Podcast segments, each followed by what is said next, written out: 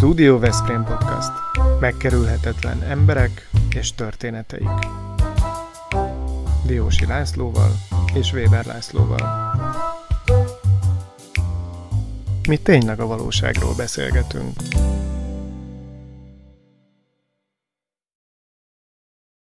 A mai beszélgető partnerünk Bakács Tibor, settenkedő, szerbusz Tibor.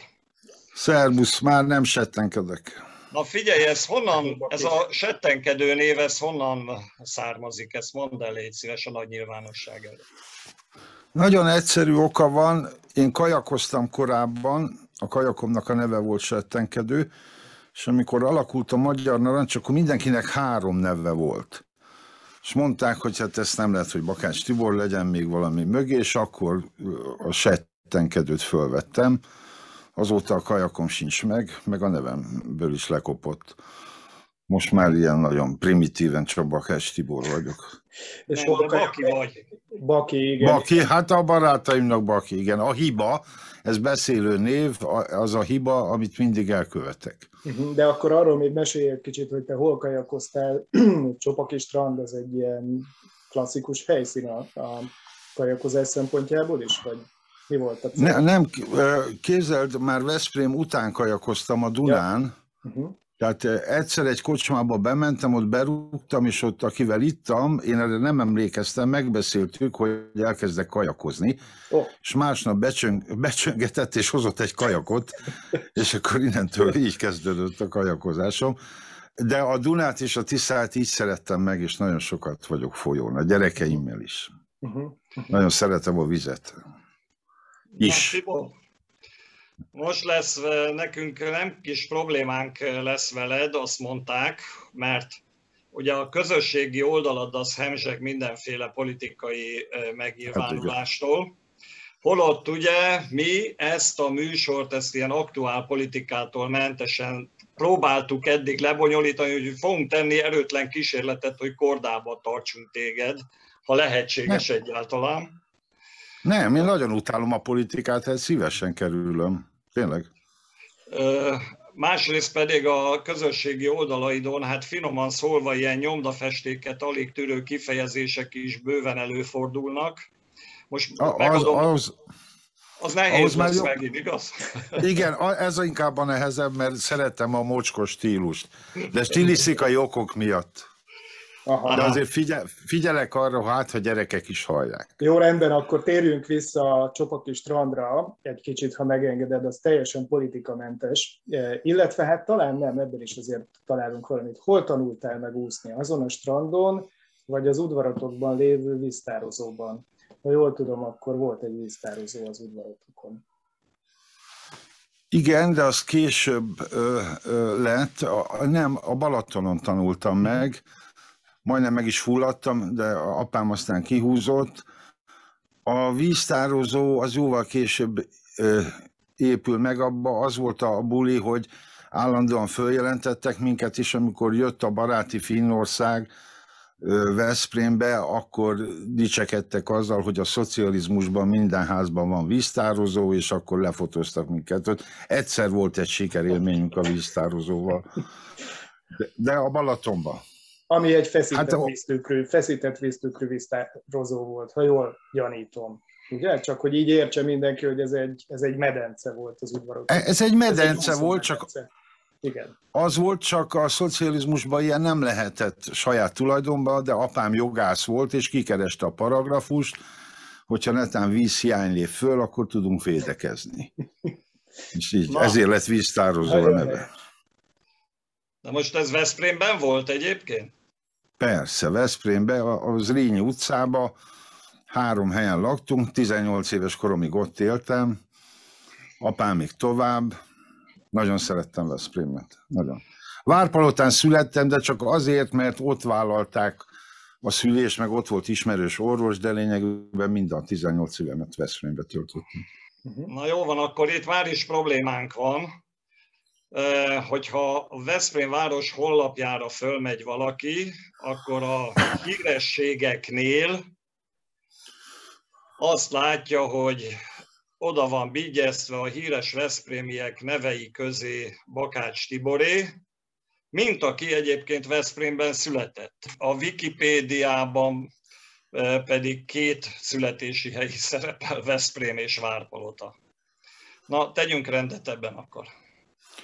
Nem csak téged zavart ez a egyébként valóban hazugság, 1989-ben felhívott, én így hívom mind a mai napig, hogy az ávó, és megkérdezték, hogy miért hazudok a születési helyemre vonatkozóan. És akkor mondtam, hogy azért, mert hiába születtem Várpalotán, az első szabad magyar választásokat Várpalotán az MSZNP nyerte, és annyira elszégyeltem magam, hogy szülővárosom képtelen a fejlődést, hogy elhatároztam, hogy megtagadom Várpalotát, és, és innentől, igen, valóban nem igaz, de ö, ö, egyszerűen az én népem kétségbe ejtett, Várpalotai népem kétségbe ejtett, és ezért tagadtam meg. Ezért hazudtam. És Veszprémben meg az SZDSZ és a Fidesz nyert, ha nem tudom, emlékszel-e rá, mert akkor Igen. még ez a két párt, ez kéz a kézben menetel. Barátok. Igen, de most politizálsz, ne haragudj. Nem, most készállok a politikából sürgősen, úgyhogy folytatjuk inkább a beszélgetést azzal, ami téged alapvetően jellemezik, az az őrületes magasság és az őrületes mélység amit megéltél, átéltél. Millióan kérdezték nyilván ezt tőled, bár az utóbbi időben, hogy látom, eléggé elzárkozol a nyilvánosság elől, vagy nem nagyon foglalkozol a médiával. Nézzük azért először a magasságot, hogy ha ugye te műsorvezető voltál, újságíró, kritikus, tévészemélyiség, a legnagyobb nyilvánosság előtt szerepeltél, és mindenhol hintetted azért az igét, és a műveltséged, meg az intelligenciád az volt az, ami az igazi erősséget jelentette mindig, ahol megjelentél. A mancsban, a legkülönbözőbb médiumokban. Akkor hogy érezted magad? Elszállt egy kicsit a ló veled? Hát persze, de azt akkor nem érzed, amikor száll veled a ló, hogy elszálltál. Tehát de azért jogosan szállt el velem a ló, amikor ez, Svájcból jött egy újságíró, mert a svájci Huiz benne vagyok, és kérdezte tőlem, hogy hogyan lehet az, hogy semmiféle állami kitüntetést nem kaptam soha holott a Magyar Narancs alapítója vagyok, a Tilos Rádió alapítója vagyok, Médiavév alapító, nagyon sok médiumot hoztam létre, akkor ezt szellemesen azt válaszoltam, hogy élj úgy, hogy méltatlan legyél bármiféle kitüntetésre, de az, az valóban igaz, hogy főleg a tévé után, a tévé, a megasztár okozta szerintem a teljes ex, exhibicionista elborulást, akkor már tényleg azt gondoltam, hogy én vagyok Magyarország legszebb, legokosabb és legnagyobb mellű újságírója. De er, erre később jössz rá, amikor már nem vagy az, hogy ez, ez, ez milyen hamis tudat, vagy hogy ez miből áll össze. Hát mondtam valamit, és mondjuk a tévé az ilyen kétmilliós szórása volt, hát az másnap beszédtéma volt. Tehát nagyon könnyű, főleg ha magadat szereted, azt gondolni, hogy hát isteni tulajdonságaid vannak. A másrészt meg voltak igazi sikereim, tehát amikor filmkritikus voltam, a filmrendezők azért tartottak a kritikáimtól, komoly emberek. Uh-huh nem véletlenül Sándor Pál munkatársának kért föl, tehát, és valóban a legnagyobb erő, hát én nagyon sokat tanultam, több egyetemre jártam, titokba is, meg ilyesmi, ez pedig a médiában az inkább hiány volt, hogy valaki túlképzett volt. Három diplomám van, meg másoknak is írtam diplomát, tehát kb. 5-6. Doktor is vagyok, de soha nem használtam. Mondta, mondtál egyszer egy ilyet, hogy az igazmondás kényszere nem nagyon tesz jót a barátságoknak. Ugye akkor erről, Ez beszélsz, erről beszélsz most is, hogy amikor te ezt a bizonyos elszállást, vagy nem tudom, hogy mit kell jelzőként használni erre az időszakra, akkor az ilyen szempontból a barátságaidat is amortizálja. Ugye, amikor te igazmondással mész előre, és... Az most, érdekes most is. Igen? Most is. Igen, pont ebédkor gondoltam arra, hogy talán nem kellett volna megmondani egy barátomnak, aki operatőr volt, hogy az egyik filmje nem sikerült. És ez tényleg, tehát most már nem olyan fontos az igazság, most már a szeretet fontosabb, de kétségtelenül azt gondoltam akkor, hogy nekem az az értékem, hogy érzelmektől függetlenül az igazságra törekszem. Uh-huh. De mondom, neked nagyon érdekes, most is akadálya tud lenni a barátságnak az, hogyha nem hazudsz. Uh-huh. És szoktam mondani kicsit viccesen, hogy lopok, de nem hazudok. Uh-huh.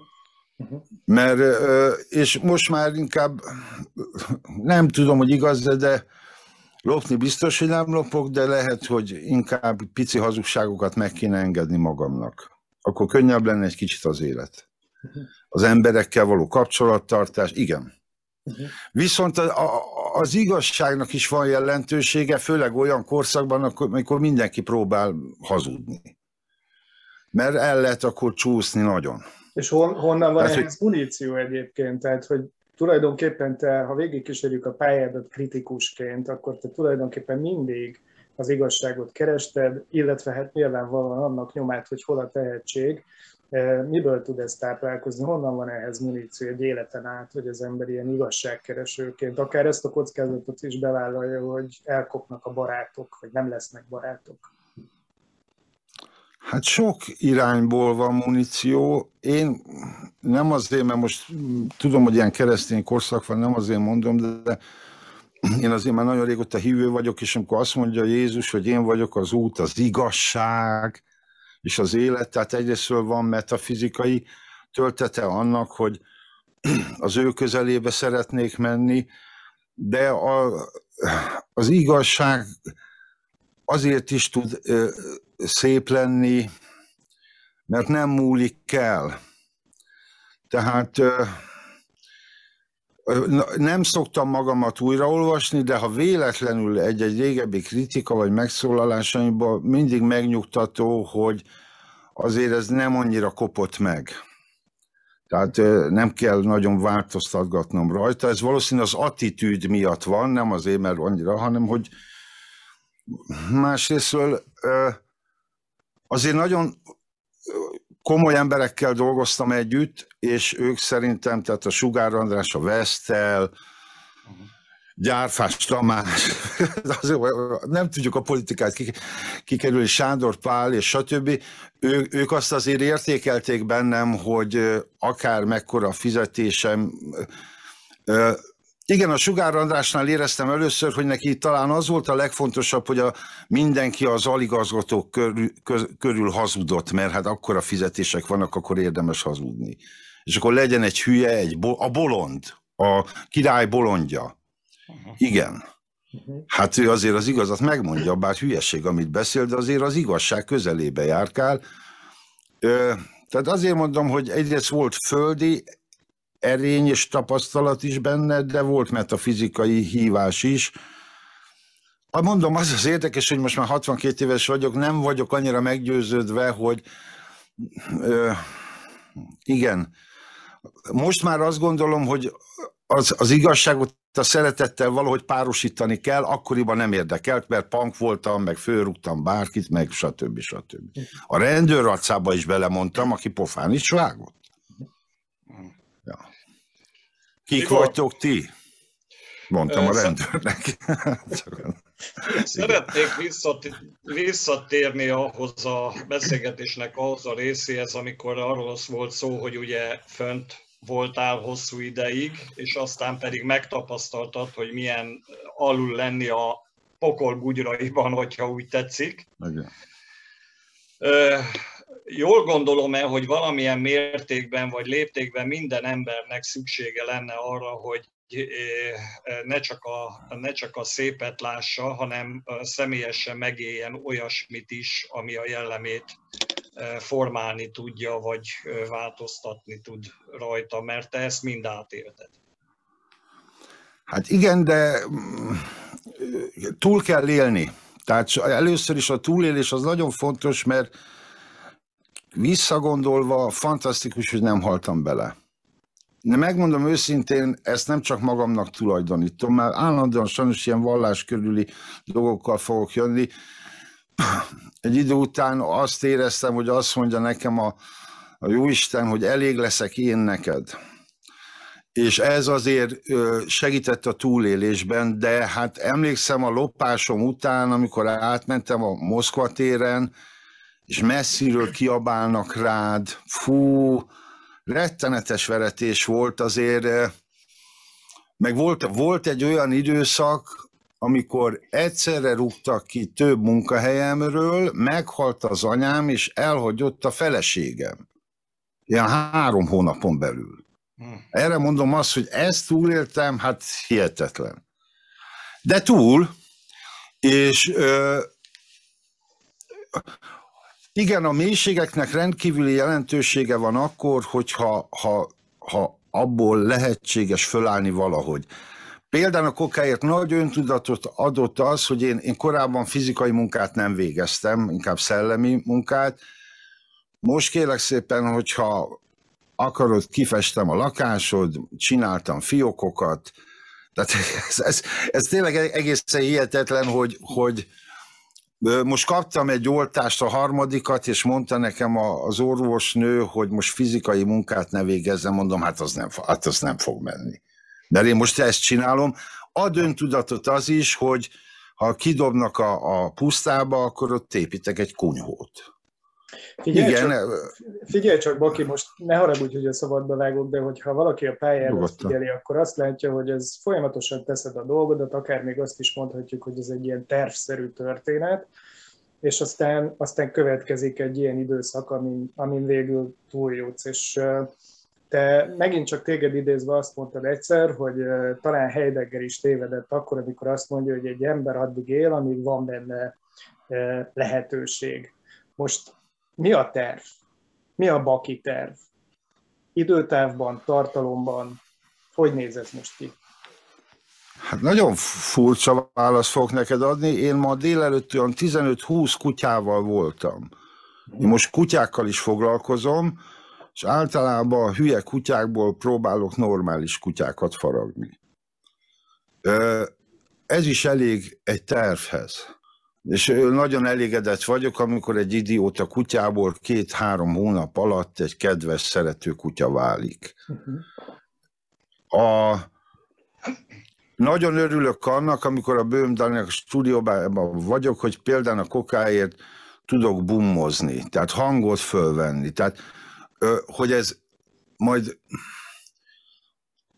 terve, a, a terv az is egyébként a legijesztőbb az, hogy üvegtisztításban egészen profi vagyok, és milliómosok házát, milliárdosok házának az üvegét tisztítom, és például a terv úgy valósul meg, hogy most már biztos vagyok abban, hogy a Jóisten kegyelme van velem, hogy nem lettem gazdag ember. Annyira szomorú, kegyetlen a milliómosok és a milliárdosok élete, de miután ott mászkálok a lakásaikba, rájöttem arra, hogy ez szinte nekem elégtétel. Igaz, az ablakon gyönyörűen kilátnak, mert német technológiát használok, és az jó. Mondom nektek, hogy autóba és üvegpucolásban csak német technológiát használjatok. Igen.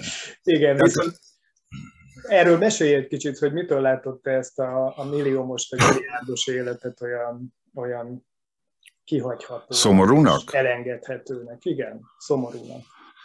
Igen, mert szomorú inkább, talán ez a legjobb szó rá. Nagyon érdekes, egyrésztől a megalománia. Rájöttem arra, hogy akkora élettérbe élnek egyedül emberek, tehát hogyha többen is vannak, nem szükséges egy gyermek, vagy egy nő, vagy egy férfi számára száz négyzetméter. Főleg azok mondjuk hideg anyagokkal vannak burkolva.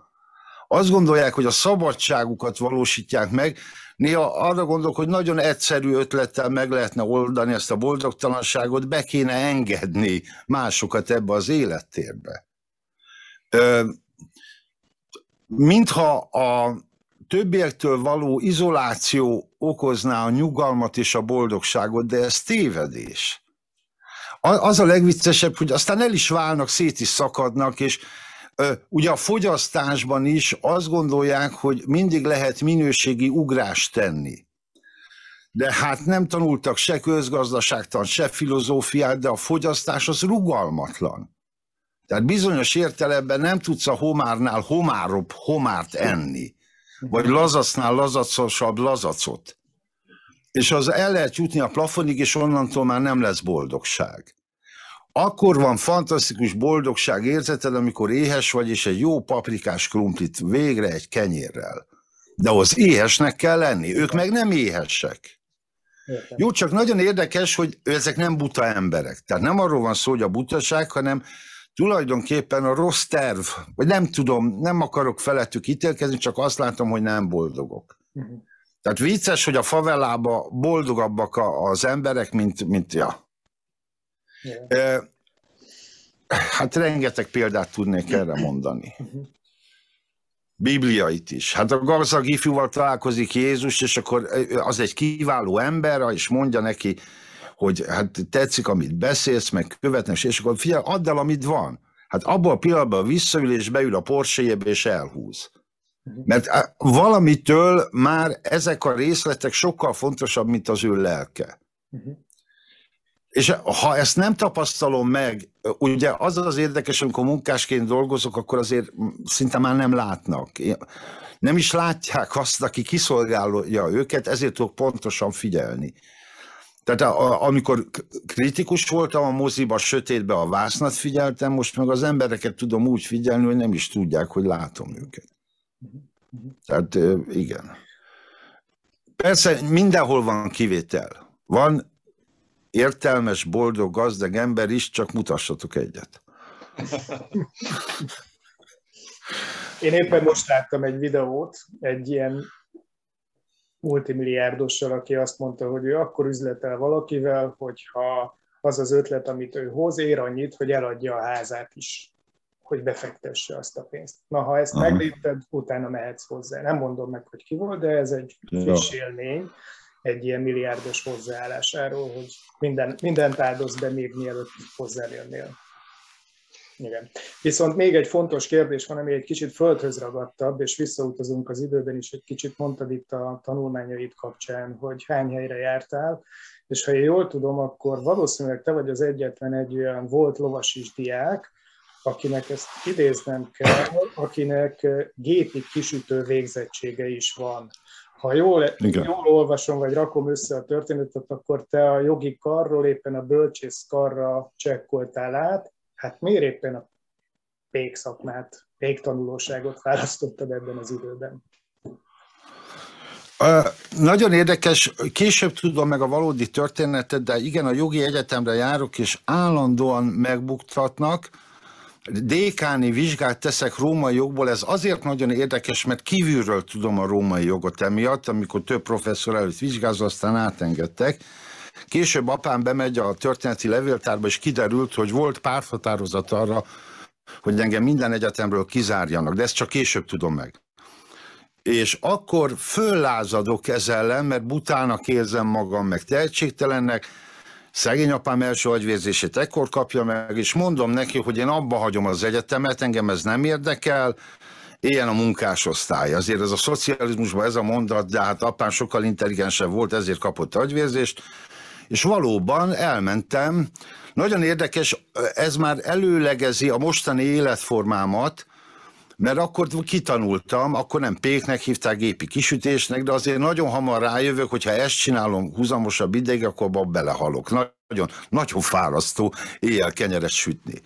De így van az az ironikus, hogy amikor megkapom a munkakönyvemet, akkor abban benne van, hogy gépi kisütő, meg hogy esztéta, meg tehát ezek egymás után de látod, én egészben nézve a dolgot, ott kezdtem el először fizikai munkát végezni, és ott ismertem meg a munkásosztályt, amit aztán most, most már nagyon közelről ismerek, és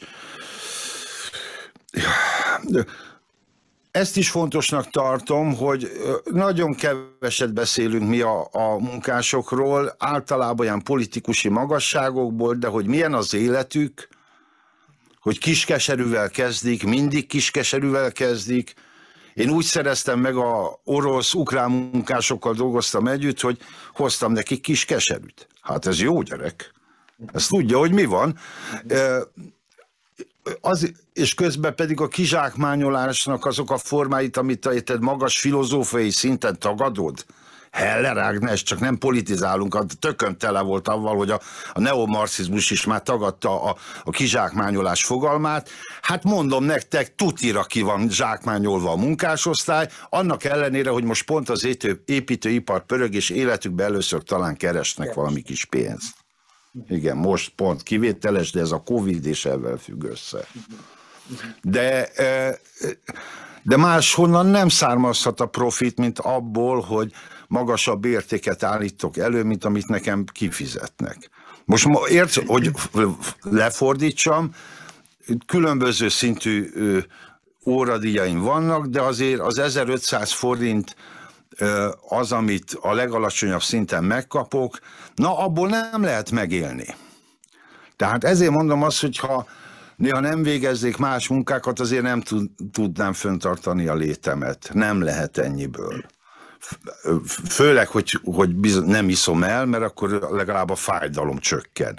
A munkásosztálynál és a cigányságnál is azért nagyon sokszor ezért jutnak el ebbe az állapotba, mert nem látják a kitörés lehetőségét, és akkor legalább aznap hadd legyen jó. És elissza. Nincs, nincs, igen. A segédmunkáról beszélek, a szakmunk egy kicsit más.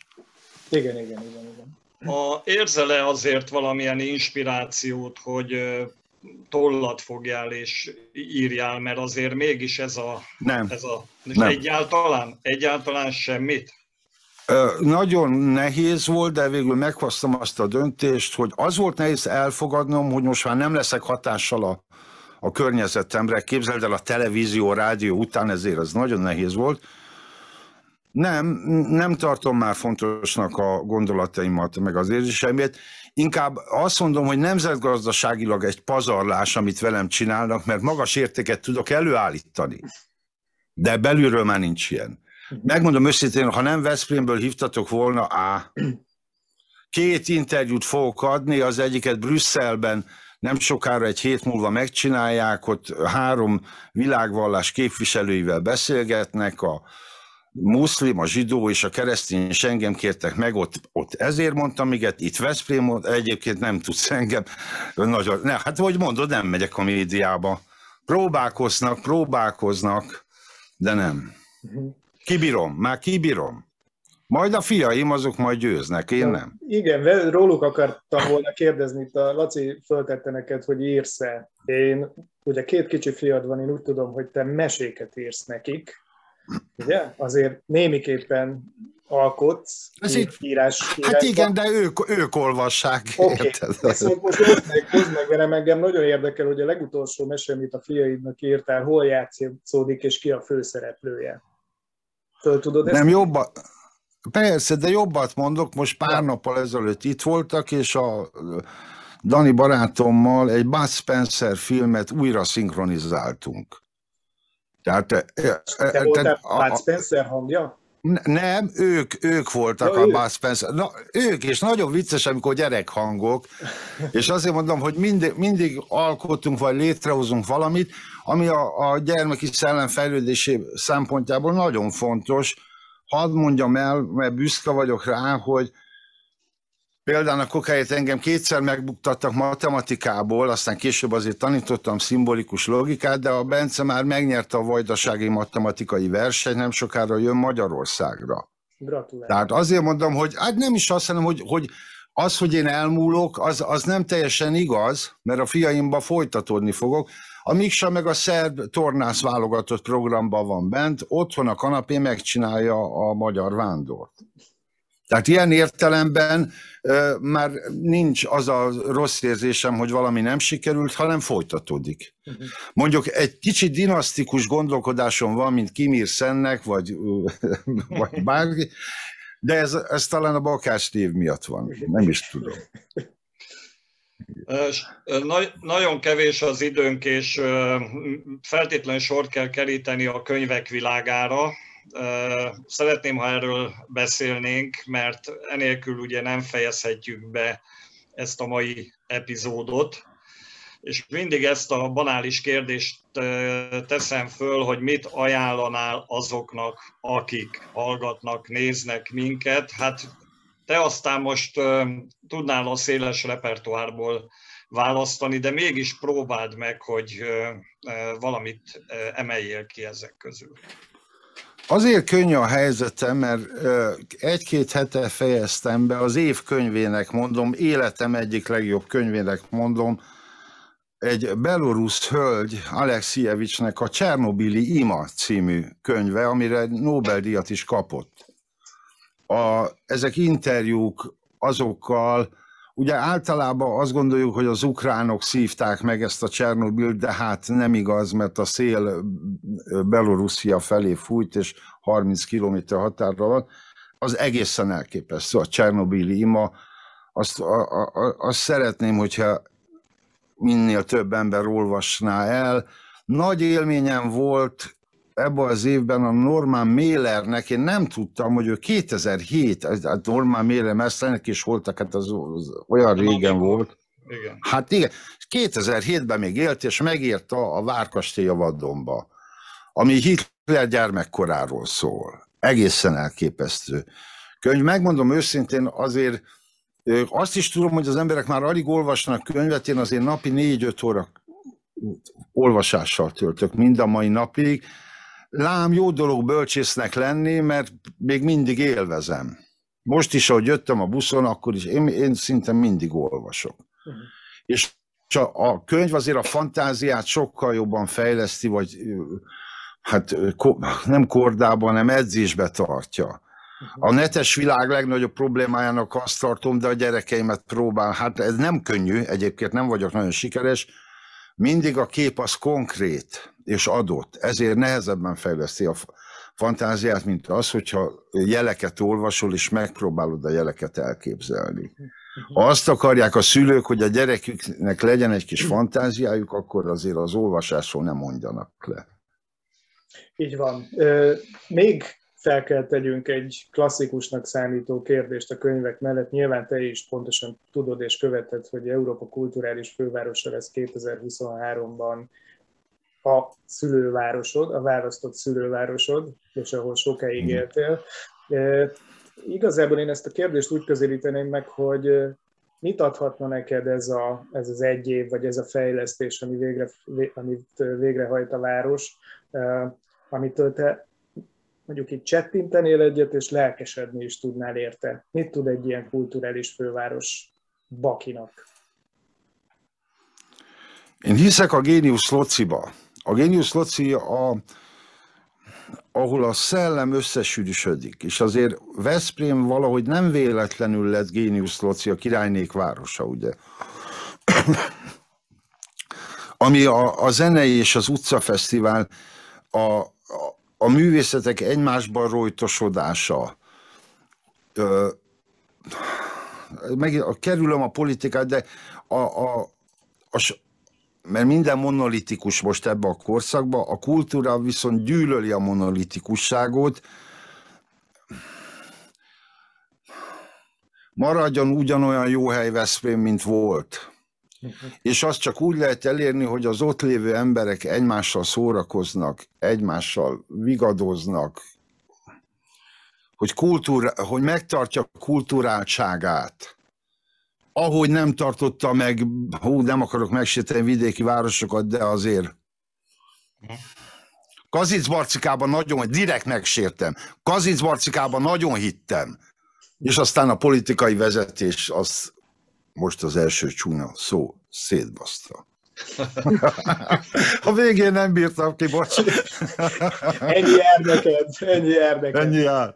Jó, Na, Tibor, még valamit szeretnék mondani. Mi törjük a fejünket azon, hogy a Miki Szerény Stúdió Veszprém podcastunk valamit homorítson az európai kulturális főváros ügyben, valószínűleg nem állami pénzen, valószínűleg nem önkormányzati támogatással, hanem valami olyat, ami a kultúrában egészen különleges. Nincs még az ideje azt, annak, hogy ezt megosszuk a közönséggel, a nézőkkel, a hallgatókkal, de valahogy én úgy érzem, hogy ta nagyon illen életbe a koncepcióba, nagyon-nagyon sokat tudnál segíteni nekünk.